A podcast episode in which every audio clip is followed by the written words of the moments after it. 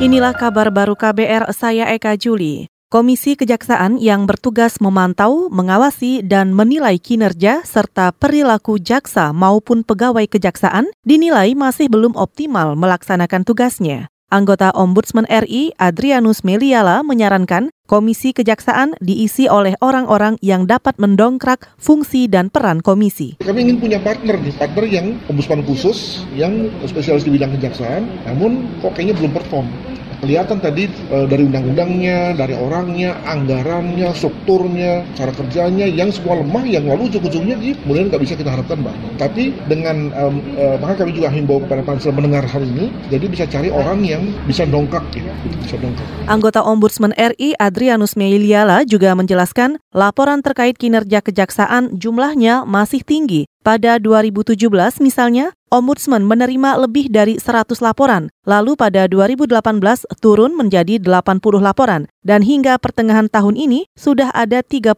laporan yang diterima Ombudsman.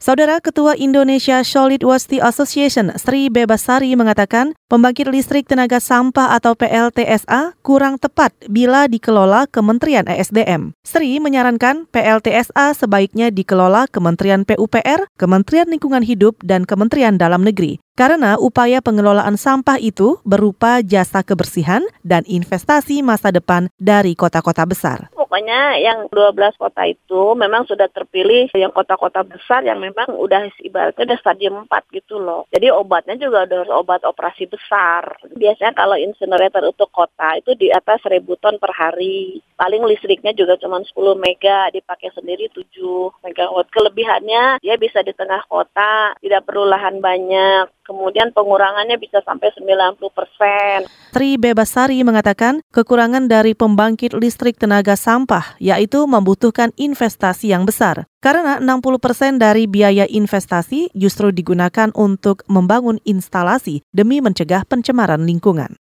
Kita ke informasi ekonomi. Deputi Bidang Koordinasi Ekonomi Makro dan Keuangan Kementerian Perekonomian Iskandar Simorangkir menjelaskan, sejak ditetapkan pada September tahun lalu hingga Juni kemarin, kredit usaha rakyat atau KUR pariwisata sudah disalurkan sebesar 21,7 triliun rupiah kepada 1,1 juta debitur. Sedangkan khusus untuk di Banyuwangi, Jawa Timur, pada tahun ini kur pariwisata yang disalurkan sebesar 279 miliar rupiah kepada hampir 7.000 debitur di Banyuwangi. Secara keseluruhan eh, NPL-nya bagus, ya. NPL-nya kur ini kan hanya 1,3 termasuk kur pariwisata. Itu pada kisaran satu persen juga.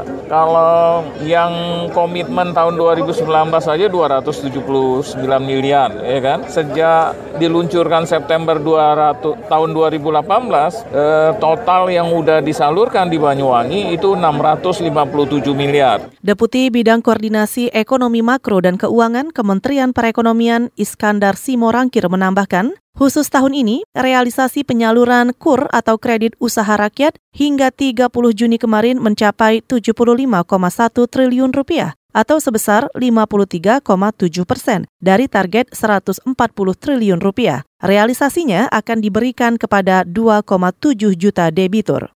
Kita ke Kalimantan Timur, DPRD Balikpapan mempercepat sejumlah agenda kerja untuk mengejar waktu pelantikan anggota DPRD periode yang baru pada 25 Agustus nanti. Ketua DPRD Kota Balikpapan, Abdullah, mengatakan di antara agenda kerja yang dipercepat, yaitu rapat paripurna pertanggungjawaban laporan keuangan, pandangan umum fraksi, jawaban wali kota, dan penetapan akhir. 25 Agustus baru dilantik yang baru, berarti belum bisa melakukan apa-apa. Sebelum pimpinan juga dilantik, kemudian setelah pimpinan dilantik, membentuk lagi AKD. Kalau AKD belum terbentuk sampai Desember, berarti tidak ada pembahasan. Ketua DPRD Kota Balikpapan, Abdullah, mengatakan sementara hasil pemilihan DPRD Balikpapan Balikpapan menyebutkan Partai Golkar memperoleh 11 kursi, disusul PDI Perjuangan dengan 8 kursi, PKS dan Gerindra sama-sama 6 kursi, sedangkan Demokrat, P3, Nasdem, Hanura, Perindo, dan PKB semuanya juga mendapatkan kursi. Saudara demikian kabar baru, saya Eka Juli.